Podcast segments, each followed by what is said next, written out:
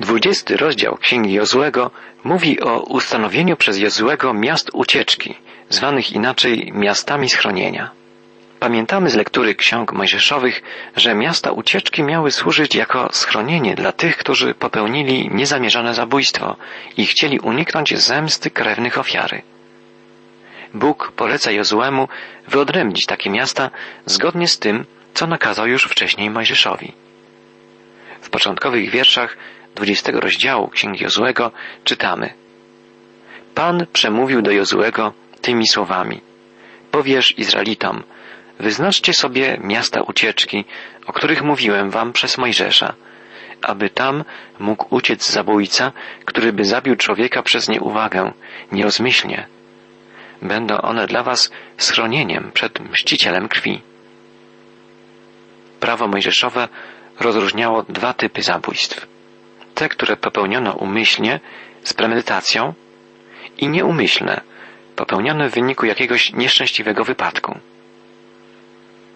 Zabójstwo umyślne, zgodnie z prawem, karane było śmiercią przez ukamienowanie. Wyrok można było wykonać natychmiast po odkryciu zbrodni.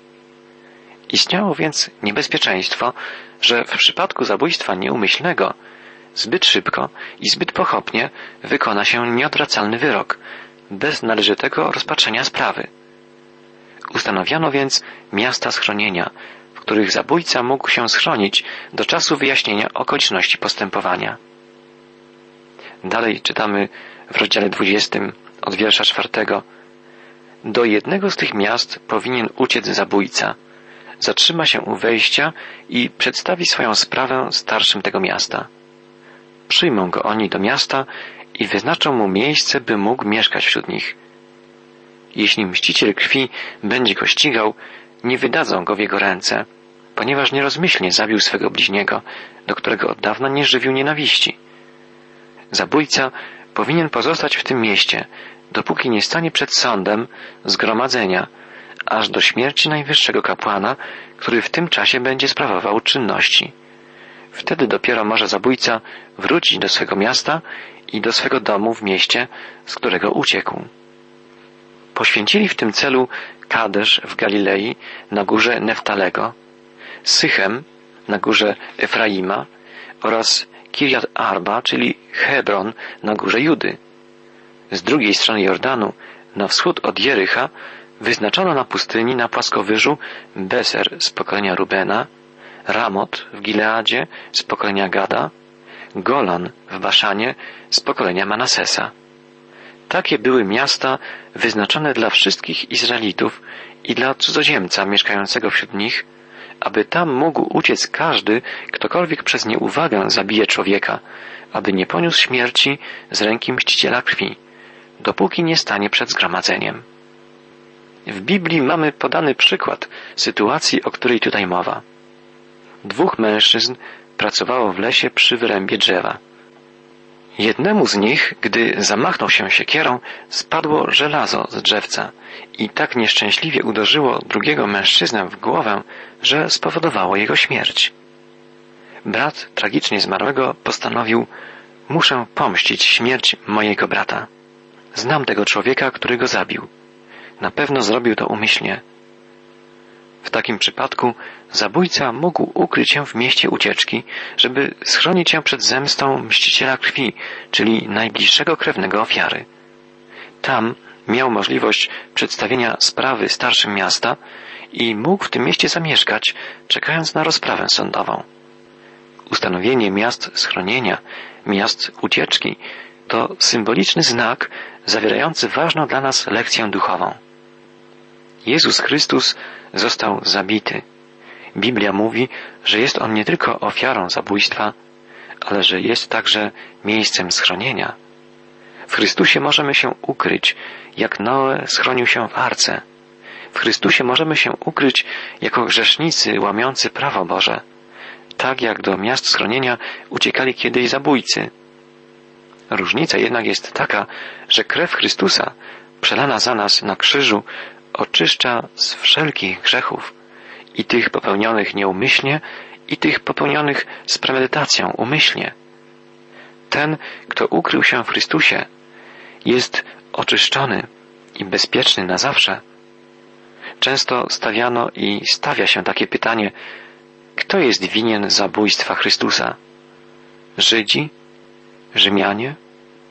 W jakimś stopniu i jedni i drudzy, ale nie tylko oni. Wiemy, że Jezus przyszedł, żeby oddać swoje życie w ofierze za grzechy wszystkich ludzi. Wszyscy jesteśmy winni Jego śmierci. Musiał On bowiem umrzeć z powodu grzechu, grzechu nas wszystkich, również z powodu mojego i Twojego grzechu. Umierający na krzyżu Golgoty za grzechy wszystkich ludzi Jezus Chrystus jest jak miejsce schronienia, ciągle otwarte dla wszystkich, dla każdego z nas. Wszyscy jesteśmy grzesznymi. Każdy z nas jest winien śmierci Jezusa, ale też każdy z nas może być zbawiony, przyjmując ratunek z Jego rąk, z rąk Zbawiciela. Żeby wyrazić to jeszcze bardziej jasno, mógłbym wskazać na Ciebie palcem, drogi słuchaczu, i powiedzieć, Ty jesteś winien śmierci Jezusa. Oczywiście mógłbyś wtedy z kolei swój palec wycelować we mnie i powiedzieć, Ty jesteś winien śmierci Jezusa. Lepiej jednak będzie, gdy sami wskażemy na samych siebie, uświadamiając sobie swoją grzeszność i potrzebę ratunku. Nie myślmy o innych, pomyślmy o sobie. Jesteśmy grzesznymi, potrzebujemy ratunku. Dzięki Bogu śmierć Jezusa Chrystusa otwarła nam wejście do miejsca schronienia, w którym, gdy Bogu zaufamy, jesteśmy bezpieczni na zawsze na całą wieczność. Gdy mówiliśmy o podziale ziemi obiecanej pomiędzy dwanaście plemion izraelskich, zwróciliśmy uwagę, że potomkowie Lewiego, zgodnie z Bożym ustanowieniem, nie otrzymali swojego działu ziemi jako plemię kapłańskie. Lewici mieli jednak otrzymać wyszczególnione miasta leżące na obszarach należących do pozostałych plemion. W 21 rozdziale Księgi Jozłego w początkowych wierszach czytamy Przyszli przełożeni rodów lewickich do arcykapłana Eleazara i do Jozuego, syna Nuna, i do naczelników rodów pokoleń Izraela. I rzekli do nich w Shilo, w kraju Kanaan. Pan polecił przez Mojżesza, aby nam dano miasta na zamieszkanie wraz z ich pastwiskami dla naszego bydła. I dalej czytamy, że Izraici oddali ze swojego dziedzictwa czterdzieści miast wraz z pastwiskami, co w zupełności wystarczyło, by plemię Lewiego mogło bezpiecznie mieszkać pomiędzy swymi braćmi. Przeczytajmy kilka wybranych wierszy, gdzie mowa jest o przydziale poszczególnych miast dla Lewitów. Najpierw czytamy Los przypadł w udziale rodom Kehatytów. Potomkom kapłana Aarona spośród Lewitów przypadło losem trzynaście miast od pokolenia Judy, od pokolenia Symeona i Beniamina. Pozostałym potomkom Kehata przypadło losem dziewięć miast od pokolenia Efraima, od pokolenia Dana i od połowy pokolenia Manasesa. Potomkom Gerszona przypadło losem trzynaście miast od rodów pokolenia Isachara, Ashera i Neftalego potomkom Merariego, według ich rodów, przypadło losem dwanaście miast od pokolenia Rubena, od pokolenia Gada i Zabulona. Izraelici oddali więc Lewitom przez losowanie te miasta wraz z ich pastwiskami, tak jak rozkazał im Pan za pośrednictwem Mojżesza. Widzimy więc, że losowanie odbywało się w ten sposób, że poszczególnym rodzinom lewickim, potomkom trzech synów Lewiego, Kehata, Gerszona i Merariego przydzielano poszczególne miasta z różnych plemion. W sumie przekazano Lewitom czterdzieści miast wraz z pastwiskami. I to wystarczyło zupełnie, by plemię Lewiego bezpiecznie mieszkało pomiędzy swymi braćmi. Był to już ostatni akt podziału ziemi obiecanej. W końcowych wierszach 21 rozdziału Księgi Jozłego czytamy od wiersza 43. Tak Pan dał Izraelitom cały kraj, który poprzysiągł dać ich przodkom. Objęli go oni w posiadanie i zamieszkali w nim. Pan użyczył im pokoju dokoła, zupełnie jak poprzysiąg ich przodkom, a żaden z ich wrogów nie mógł się wobec nich ostać. Wszystkich ich wrogów dał Pan im w ręce. Ze wszystkich dobrych obietnic, które Pan uczynił domowi Izraela, żadna nie zawiodła. Każda się spełniła. Zgodnie z Bożą obietnicą, Izraelici weszli w posiadanie ziemi Kanaan. Pan użyczył im pokoju, użyczył im pokoju dokoła, a więc wśród wszystkich sąsiadów. Mogli więc teraz odpoczywać. Dla nas dzisiaj odpoczynkiem jest zbawienie w Jezusie Chrystusie. Potrzebujemy tego odpoczynku w sposób desperacki. Żyjemy przecież w dobie wielu napięć, konfliktów, stresów, w dobie ogromnych problemów społecznych, konfliktów politycznych, w dobie nędzy i głodu milionów ludzi, w erze niepokoju i lęku z powodu chwiania się wszelkich autorytetów, szerzenia się materializmu, niemoralności, nałogów, chorób, dziesiątkujących współczesne społeczeństwo. Bardzo potrzebujemy odpoczynku, potrzebujemy pokoju, pokoju wokół nas i w nas, pokoju światowego i wewnętrznego, duchowego. Bóg w Chrystusie świat ze sobą pojednał, wyznaje apostoł Paweł. Sam Jezus powiedział, Mój pokój daję wam. Tak, możemy żyć w pokoju. Sprawić może to tylko Jezus Chrystus. Możemy odpocząć, odpocząć w wierze, gdy zaufamy Chrystusowi, gdy Mu zawierzymy, gdy poddamy się odnawiającemu działaniu Ducha Chrystusowego.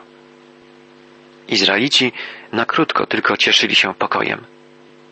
Dlaczego? Bo nie zaufali Bogu całkowicie, nie okazali Mu posłuszeństwa do końca. Bóg przekazał im wiele poleceń. Polecił im na przykład usunąć z ziemi obiecanej wszystkich wrogów, a oni tego nie uczynili. Z powodu braku wiary nie zajęli też całego obszaru, który Bóg obiecał im dać na własność. Wzięli w posiadanie tylko pewną część terytorium, które Bóg obiecał Abrahamowi, Izakowi, Jakubowi, a potem Mojżeszowi i Jozuemu. Nie do końca zaufali Bogu. Nie uwierzyli w pełni w Jego obietnice. Autor listu do Hebrajczyków ostrzega nas przed popełnieniem tego samego błędu. Czytamy w czwartym rozdziale listu do Hebrajczyków. Pozostaje jeszcze odpocznienie dla ludu Bożego. Kto bowiem wszedł do odpocznienia Jego, ten sam odpoczął od dzieł swoich, tak jak Bóg od swoich. Starajmy się tedy usilnie wejść do owego odpocznienia, aby nikt nie upadł, idąc za przykładem nieposłuszeństwa. Jak więc możemy wejść w stan odpocznienia? Gdy zaufamy Bogu, gdy uwierzymy w Jego obietnice, gdy będziemy posłuszni Jego Słowu. Jezus Chrystus, mimo że został odrzucony przez ogromną większość ludzi, gdy chodził po ziemi, pewnego dnia zatrzymał się, wyciągnął do tłumu w ręce i powiedział Pójdźcie do mnie wszyscy, którzy jesteście spracowani i obciążeni, a ja dam wam odpocznienie. Tak, nasz prawdziwy, trwały odpoczynek to zbawienie oferowane nam przez Jezusa Chrystusa. Izrael zamieszkał w ziemi obiecanej, zapanował, choć na krótko, pokój. Możemy sobie wyobrazić, jak wspaniały musiał być ten czas odpoczynku dla Izraelitów po wielu latach wędrówki przez pustynię, po długotrwałych i ciężkich bojach z ludami Kanaanu. Walki te trwały ponad dwadzieścia lat. Po czasie tułaczki i wojny nastał czas uprawiania ziemi, budowania domów, zbierania plonów, zbóż, warzyw, owoców, jak cudownym uczuciem musiało być dla Izraelitów spożywanie chleba upieczonego ze zbóż zebranych z pól, które uprawiali po tak długim czasie przebywania na pustyni. Jak bardzo musiał cieszyć ich rozwój ich stad i trzód, codzienna krzątanina w zagrodzie, świętowanie czasu żniw. Ten cudowny czas odpoczynku i pokoju stał się udziałem wszystkich Izraelitów.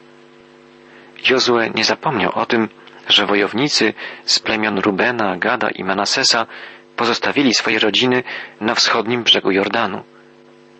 W początkowych wierszach 22 rozdziału Księgi Jozuego czytamy Jozue wezwał wówczas Rubenitów, Gadytów i połowę pokolenia Manasesa i rzekł do nich Spełniliście wszystko, co wam polecił Mojżesz, sługa Pana i słuchaliście też głosu mojego zawsze, gdy wam rozkazywałem. Nie opuściliście braci waszych, pomimo długiego czasu wojny, aż do dnia dzisiejszego i strzegliście wiernie przykazania Pana, Boga waszego. Obecnie Pan, Bóg wasz, udzielił pokoju braciom waszym, jak im przyrzekł. Wróćcie więc spokojnie do namiotów swoich, do ziemi, którą Mojżesz, sługa Pana, wyznaczył wam w dziedzictwie za Jordanem. Jozue podziękował wojownikom za to, że pomogli swoim braciom podboju zachodniego brzegu Jordanu. Podziękował im za posłuszeństwo względem poleceń Mojżesza i względem jego rozkazów. I polecił im powrócić do swoich, na wschodni brzeg. Zwróćmy uwagę na to, co jeszcze powiedział Jozue na zakończenie, żegnając wojowników z plemienia Rubena, Gada i Manasesa. W dwudziestym drugim rozdziale, w piątym wierszu czytamy Troszczcie się tylko pilnie o to, żebyście spełniali przykazanie i prawo, które nakazał wam Mojżesz, sługa Pana, miłować Pana, Boga waszego, postępować zawsze Jego drogami, zachowywać Jego przykazania, przylgnąć do Niego i służyć Mu całym waszym sercem i całą duszą. Widzimy, że Jozue przypomniał odchodzącym najważniejsze przykazanie, żeby miłowali Boga, żeby służyli Mu całym sercem i całą duszą, żeby przylgnęli do Boga, żeby zachowywali Jego przykazania i zawsze kroczyli Jego drogami. Pamiętamy, że podobne słowa wypowiedział Jezus, gdy zapytano go, które z Bożych przykazań uważa za największe. Jeden ze znawców prawa, wystawiając go na próbę, zapytał, czytamy w Ewangelii Mateusza, Nauczycielu, które przykazanie jest największe? A on odpowiedział mu, Będziesz miłował Pana, Boga swego, z całego serca swego i z całej duszy swojej i z całej myśli swojej. To jest największe i pierwsze przykazanie. A drugie podobne temu, będziesz miłował bliźniego swego, jak siebie samego. Na tych dwóch przykazaniach opiera się cały zakon i prorocy. Podobnie pisze apostoł miłości, apostoł Jezusa, Jan. W jego pierwszym liście apostolskim czytamy Kto nie miłuje, nie zna Boga, gdyż Bóg jest miłością. Na tym polega miłość, że nie myśmy umiłowali Boga, lecz że On nas umiłował i posłał Syna swego jako ubłaganie za grzechy nasze. Jeżeli Bóg nas tak umiłował, i myśmy powinni nawzajem się miłować.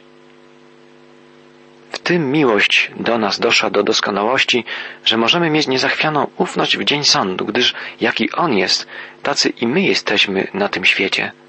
W miłości nie ma bojaźni, wszak doskonała miłość usuwa bojaźń, gdyż bojaźń drży przed karą. Kto się więc boi, nie jest doskonały w miłości. Miłujmy więc, gdyż On nas przedtem umiłował. Jezus mówiąc o największym przykazaniu, cytował piątą księgę Mojżeszową, bo to już Mojżesz jako pierwszy powiedział: Słuchaj, Izraelu, Pan jest Bogiem naszym, Pan jedynie. Będziesz wtedy miłował Pana, Boga swego, z całego serca swego i z całej duszy swojej i z całej siły swojej. Niechaj słowa te, które ja Ci dziś nakazuję, będą w Twoim sercu będziesz je wpajał w Twoich synów i będziesz o nich mówił, przebywając w swoim domu, idąc drogą, kładąc się i wstając. Tę samą naukę głosił Jezus.